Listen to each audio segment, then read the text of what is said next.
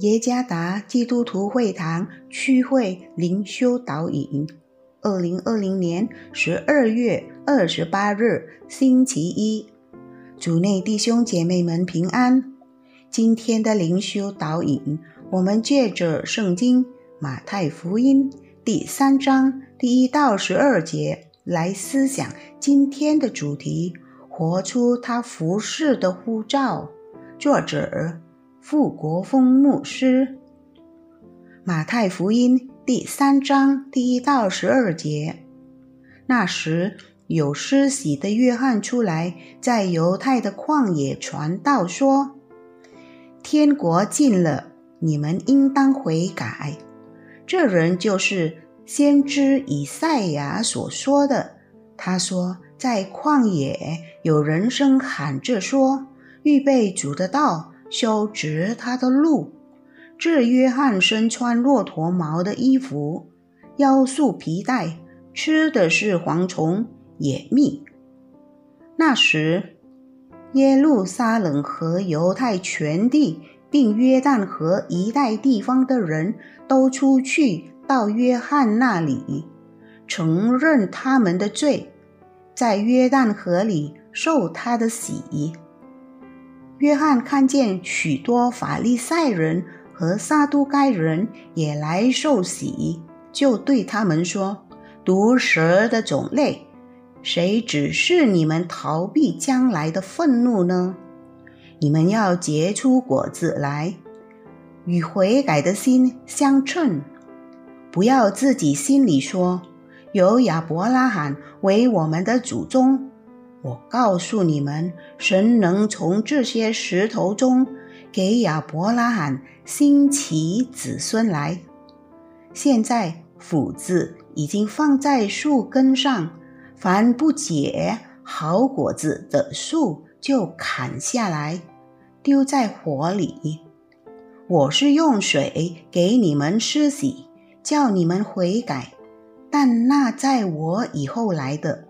能力比我更大，我就是给他提鞋也不配。他要用圣灵与火给你们施洗，他手里拿着簸箕，要扬进他的场，把麦子收在仓里，把坑用不灭的火烧尽了。约翰。斯蒂芬·阿赫瓦里 （John Stephen a q u a r i 是坦桑尼亚的马拉松选手，因在1968年墨西哥奥运会上的英雄精神奋斗而被他的国家授予国家英雄荣誉勋章。在马拉松比赛中，他的腿抽筋，使他在19公里处跌倒。并被身后的许多跑步者碰撞，他的膝盖关节移位，肩膀受伤。但是阿赫瓦里并没有放弃，尽管他必须用布包裹膝盖，仍然继续比赛直到终点线。比赛结束后，几位记者询问阿赫瓦里，即使。在身体状况已经不行的情况下，为什么还坚持要完成比赛？阿赫瓦里回答说：“我的国家不是派我参加前段的比赛，乃是派我完成比赛的。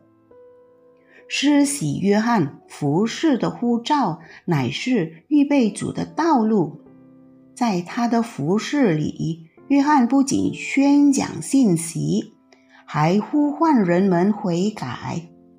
施洗约翰要求犹太人要能证明出真诚的悔改，而不只因自己是亚伯拉罕后代子孙的地位，生活却充满虚伪和肤浅而感到自满。虽然。施洗约翰最终被监禁并处死，他是以忠心和勇敢地完成服侍的呼召，参看马太福音十四章第一到十二节。教会被呼召，乃为每个信徒实行门徒训练的服饰。然而，这不是一件容易的事，有时会失败，也有人反对。但是，如果我们相信门徒训练是上帝对我们教会的呼召，就像施洗约翰一样，我们必须活出门徒训练的呼召，在实行上帝的呼召中，面临挑战和失败，不能成为我们放弃的理由，必须。继续保持对上帝呼召的精神和热情，直到终点。因此，最终，在我们所有的服饰工作上，上帝的名得荣耀。活出上帝的呼召，需要我们一生坚定的委身，如同基督教中的婚姻承诺一样。主耶稣赐福。